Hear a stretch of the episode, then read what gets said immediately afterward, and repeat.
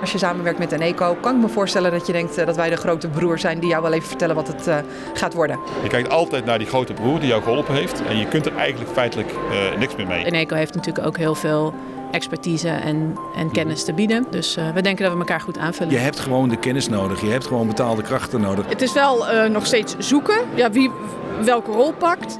Dit is Hier opgewekt, de podcast. Een serie over en speciaal voor energiecoöperaties. Ik ben Maarten Dallinga, freelance journalist.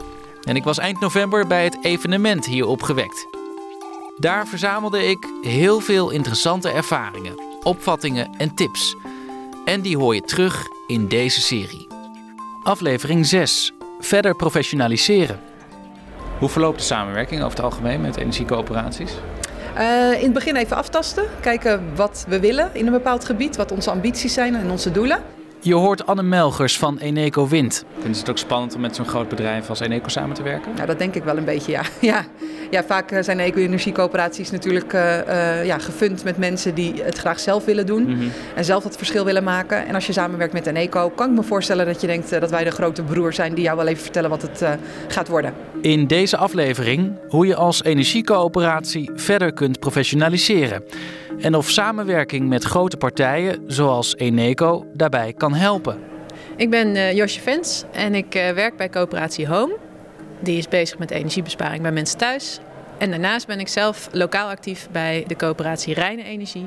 En wij willen juist grootschalige wind en zon opwekken. En daar werkt de Utrechtse coöperatie voor samen met Eneco Wind. Jullie willen uiteindelijk zonneweiders en windmolens plaatsen aan de rand van Utrecht. Hoe ver zijn jullie? Um, nou, we zijn nu sinds eind september zijn we een officiële coöperatie. Dus dat is een hele mooie stap. Ook een hele goede tip om mensen te betrekken. Wordt een coöperatie. Dan komen er allemaal mensen die vanzelf hun hulp ook aanbieden. En um, nu moet dit voorjaar de gemeente gaan besluiten eigenlijk welk scenario. Er zijn een aantal scenario's uitgewerkt wat het, uh, hoe het eruit zou kunnen zien. En als de gemeente dan gekozen heeft, dan kunnen we echt nou, de formele onderzoeken als een milieueffectrapportage gaan doen. En dan hopelijk over twee jaar hebben we de molens en de zonnevelden nou ja, draaien en liggen. Nu werkt Reine Energie samen met Eneco. Op welke manier? Uh, wij hebben een afspraak dat het uiteindelijke wind, het gaat dan bij Eneco om de windmolens, dat de uiteindelijke windmolens 50% van ons zijn en 50% van Eneco. Waarom? Uh, ja, zij waren ook vanaf het begin af aan betrokken en, uh, en hebben ook gezegd, nou we willen graag samenwerken. De gemeente wilde ook één plan. Dus we hebben op een gegeven moment gekozen, gaan we Hè, gaan we daar heel erg over, nou ja, soort van over vechten? Of gaan we gewoon goed samenwerken? Want Eneco heeft natuurlijk ook heel veel expertise en, en mhm. kennis te bieden. En mhm. wij hebben juist veel kennis van de wijk en hoe we nou ja, lokaal het draagvlak kunnen organiseren. Dus uh, we denken dat we elkaar goed aanvullen. Levert die samenwerking met Eneco ook soms dilemma's of frictie op? Ja, soms wel. Ook omdat uh, Eneco ook andere projecten in Utrecht doet. En sommige worden positief ontvangen, maar er worden ook minder, minder positief ontvangen. En dat straalt natuurlijk ook weer op ons af. Of dan worden wij gevraagd waarom. Hè, sommige mensen hebben mhm. moeite met grote bedrijven. Waarom werk je samen met zo'n groot bedrijf? Volgens Anne Melgers van Eneco Wind kan een groot bedrijf als Eneco juist helpen om draagvlak te creëren voor projecten van energiecoöperaties. Dat denk ik wel. Uh, draagvlak, uh, ofwel acceptatie, heb je gewoon politiek en natuurlijk voor de omgeving. Uh, wat ik merk is dat je politiek is het gewoon heel handig om ook twee sporen te kunnen bewandelen. Ik vind het dat heel krachtig als een energiecoöperatie haar eigen politieke lijnen benut. Maar soms helpt het ook als een Eneco aan tafel zit om een beetje indruk te maken. Grote partij. Ja, grote partij met veel ervaring. Uh, ambtenaren vinden het vaak ook wel eens fijn om te schakelen met, met een eco, omdat wij gewoon snel kunnen aanleveren waar zij behoefte aan hebben. um, dus dat werkt heel goed als je dat elkaar strategisch benut. En uh, uh, ja, vooral de coöperatie het gewoon de, de basis laat doen, maar onze hulp ook gebruikt als het nodig is. Uh, maar je hebt ook de omgeving die je wil betrekken bij je project. en ook daar moet acceptatie ontstaan. nou ja, daar is de coöperatie natuurlijk sowieso een heel krachtig instrument voor, want iedereen mag meedoen, iedereen mag meebeslissen. maar ook daar speelt dat onze kennis en ervaring nuttig kan zijn om het proces goed neer te zetten. Ja. Maar werkt het soms ook tegen jullie? de grote naam die Ineco heeft bij het creëren van draagvlakken in een omgeving? Ja, zeker. Ja, eh, eh, ik ben zelf actief in Utrecht. Daar hebben we een warmtenet waar nou, best wel wat negativiteit omheen eh, heeft gehangen. Dat is nu inmiddels wel behoorlijk opgelost. Maar daar, daar pak je natuurlijk altijd restjes van mee. Dus daar heb je wel mee te maken. Waar loop je zo al tegenaan bij de samenwerking met energiecoöperaties? Of gaat het eigenlijk alleen maar vlot? Nee, je loopt er wel tegenaan dat, eh, eh, dat het lang duurt voordat ze weten wat ze willen. Oh ja. Dus voordat ze ja tegen mij zeggen, dat, eh, dat kan best lang duren. En Hoe dan kan dat ik- dan?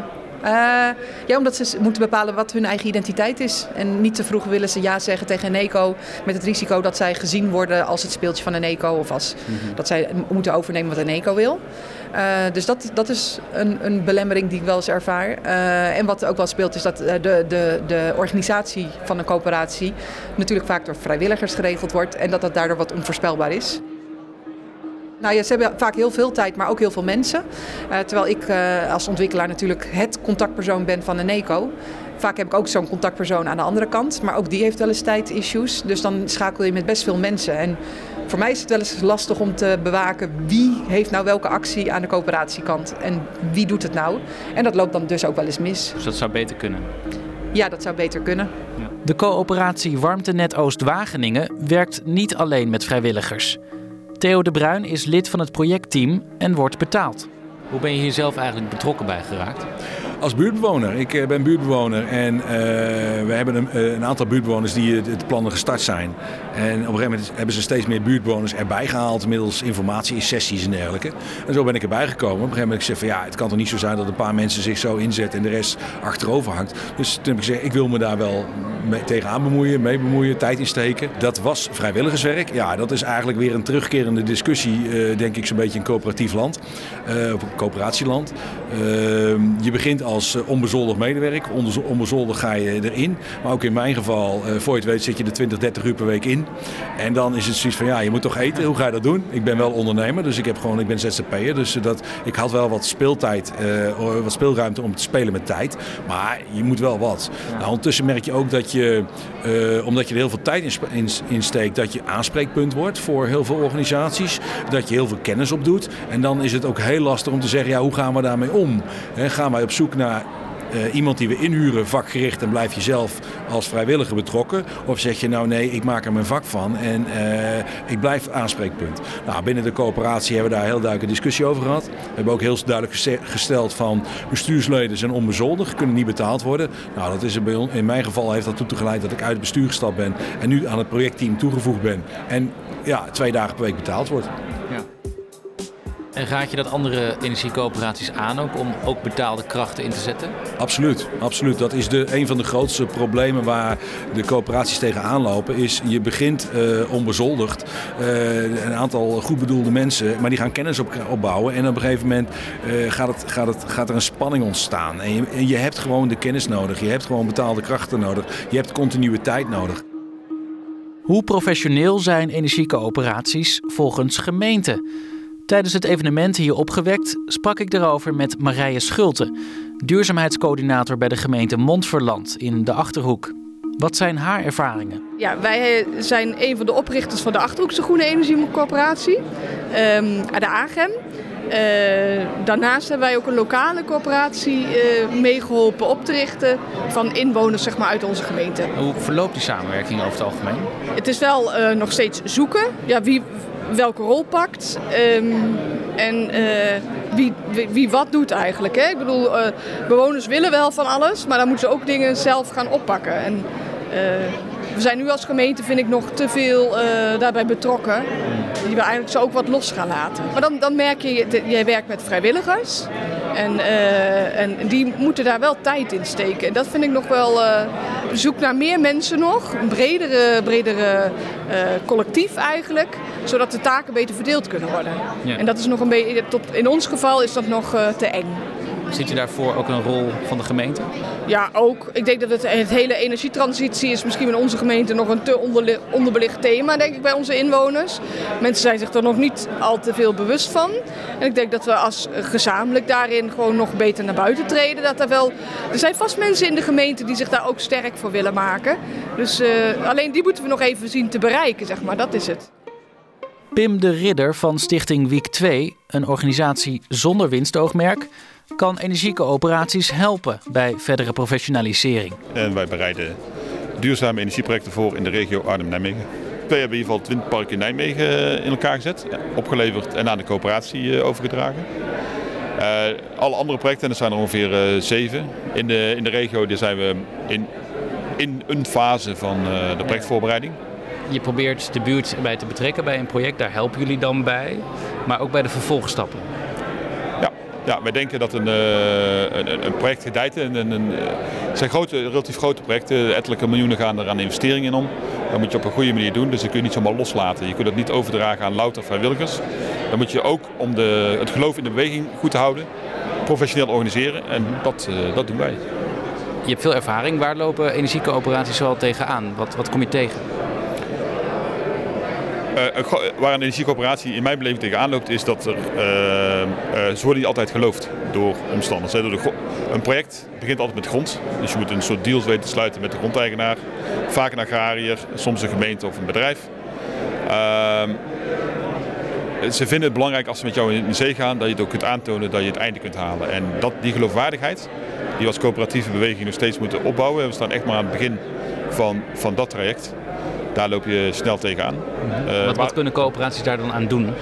Uh, samenwerken met uh, professionals die niet erop uit zijn om het eigendom in dat project te verkrijgen. Dus je zoekt, uh, het is heel makkelijk om een professionele partij te koppelen aan een project, want er is een tekort aan projecten. Zoals een groot energiebedrijf. Bijvoorbeeld, of een investeerder. Dat, uh, dat is niet een opgave. Alleen die vragen iets ervoor terug. En wat ze ervoor terugvragen is bijna altijd een deel van het eigendom. Dus als coöperatie raak je daarmee de regie of de controle over je project kwijt. Waarmee je niet meer kunt doen wat je wilt doen. Nou, dat moet je zien te voorkomen. Je kan ook zeggen, daardoor komen energieprojecten misschien sneller van de grond. Ja, dat klopt. En dan ben je heel snel bij die energieprojecten. En dan heb je aan het eind van de rit, maak je de balans op. Dan heb je enorme spijt van, je, bent, je loopt altijd aan de leiband. En dat gaat over financiering of over je elektriciteitsproduct of over de vervolgstappen die je met je project wil of met uitkeringen. Je kijkt altijd naar die grote broer die jou geholpen heeft. En je kunt er eigenlijk feitelijk uh, niks meer mee. Dus er lopen hier ook van die grote jongens rond, hè? Uh, of dames ook. Eneco bijvoorbeeld, heb ik ook gesproken. Daar heb je niet zoveel mee. Nee, ja, nee. nee. Ik, uh, nee, ik vind het, het goed dat ze zijn, want we hebben nou gewoon helemaal energie nodig. En de bulk, veruit de grootste bulk van onze energievoorziening, die komt nog steeds uit de traditionele energiebedrijven. Die kunnen dat ook, die weten precies wat je moet doen. En dankzij die energiebedrijven gaat het nooit fout, zeg maar. Valt het, uh, valt het systeem niet om. Maar langzaam maar zeker moeten we wel gaan verschuiven. En die grote energiebedrijven, die kunnen moeilijk meeschuiven. Arthur Vermeulen, windprojectontwikkelaar bij energieleverancier Pure Energie, wil daar wel even op reageren. Met name als, als, als mensen uh, nou heel erg vanuit een idealistisch motief in zo'n energiecoöperatie zitten, wordt er nog wel eens gek aangekeken naar, uh, naar bedrijven die hun geld verdienen met, uh, met duurzame energie. Wij zijn inderdaad een bedrijf, maar bij ons werken ook voornamelijk mensen met idealen. alleen het is ons vak, we verdienen ons brood ermee. en energiecoöperaties zijn ook bedrijven, maar dat zijn bedrijven van burgers. Pure Energie werkt samen met energiecoöperaties. En daarbij staat gelijkwaardigheid juist voorop, zegt Arthur Vermeulen. Dus dat betekent dat we allebei nou ja, qua, uh, qua investeringen op dezelfde manier uh, in de wedstrijd zitten. Dat betekent ook dat we onze belangen precies gelijkluidend zijn. En dat we er allebei naar streven om dat windpark voor elkaar te krijgen, waar we dan daarna ieder een 50% belang in hebben. Ja. Wat kunnen energiecoöperaties leren van een partij als Pure Energie? Wat kan je bijvoorbeeld nu meegeven aan de luisteraar? Um, het is erg belangrijk om, bij, om je bij windprojecten vanwege de, uh, ja, de, de, de, grote financiële omvang van de projecten uh, nou, snel op te schalen als het gaat om uh, kennis en, en middelen. middelen zijn, er zijn potjes om, om aan middelen te komen, soms bij de overheid, soms bij restkoop. En het is belangrijk voor coöperaties om jezelf in zo'n project een positie te verschaffen naast de, de marktpartij. Uh, en uh, ja, pro probeer, uh, probeer die positie in te nemen zodat er een echt gelijkwaardig samenwerkingsverband ontstaat. En dan nog even Pim de Ridder van Wiek 2.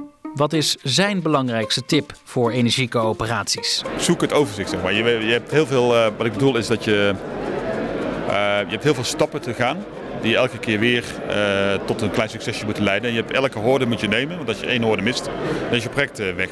Dus je hebt iets nodig in je organisatie of in je eigen beeld dat je het, grote plaatje uh, kunt pakken.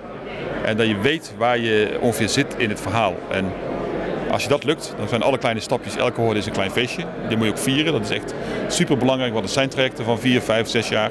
Dus je moet die coöperatie 4, 5, 6 jaar bij elkaar houden. Of in ieder geval het groepje mensen wat eraan werkt. En dat doe je volgens mij alleen maar door uh, al die successen binnen de kaders van het grotere verhaal. Op gepaste wijze, soms met heel veel bier of af en toe met een stukje taart, uh, te vieren. Dit was de zesde en voorlopig laatste aflevering van Hier Opgewekt, de podcast.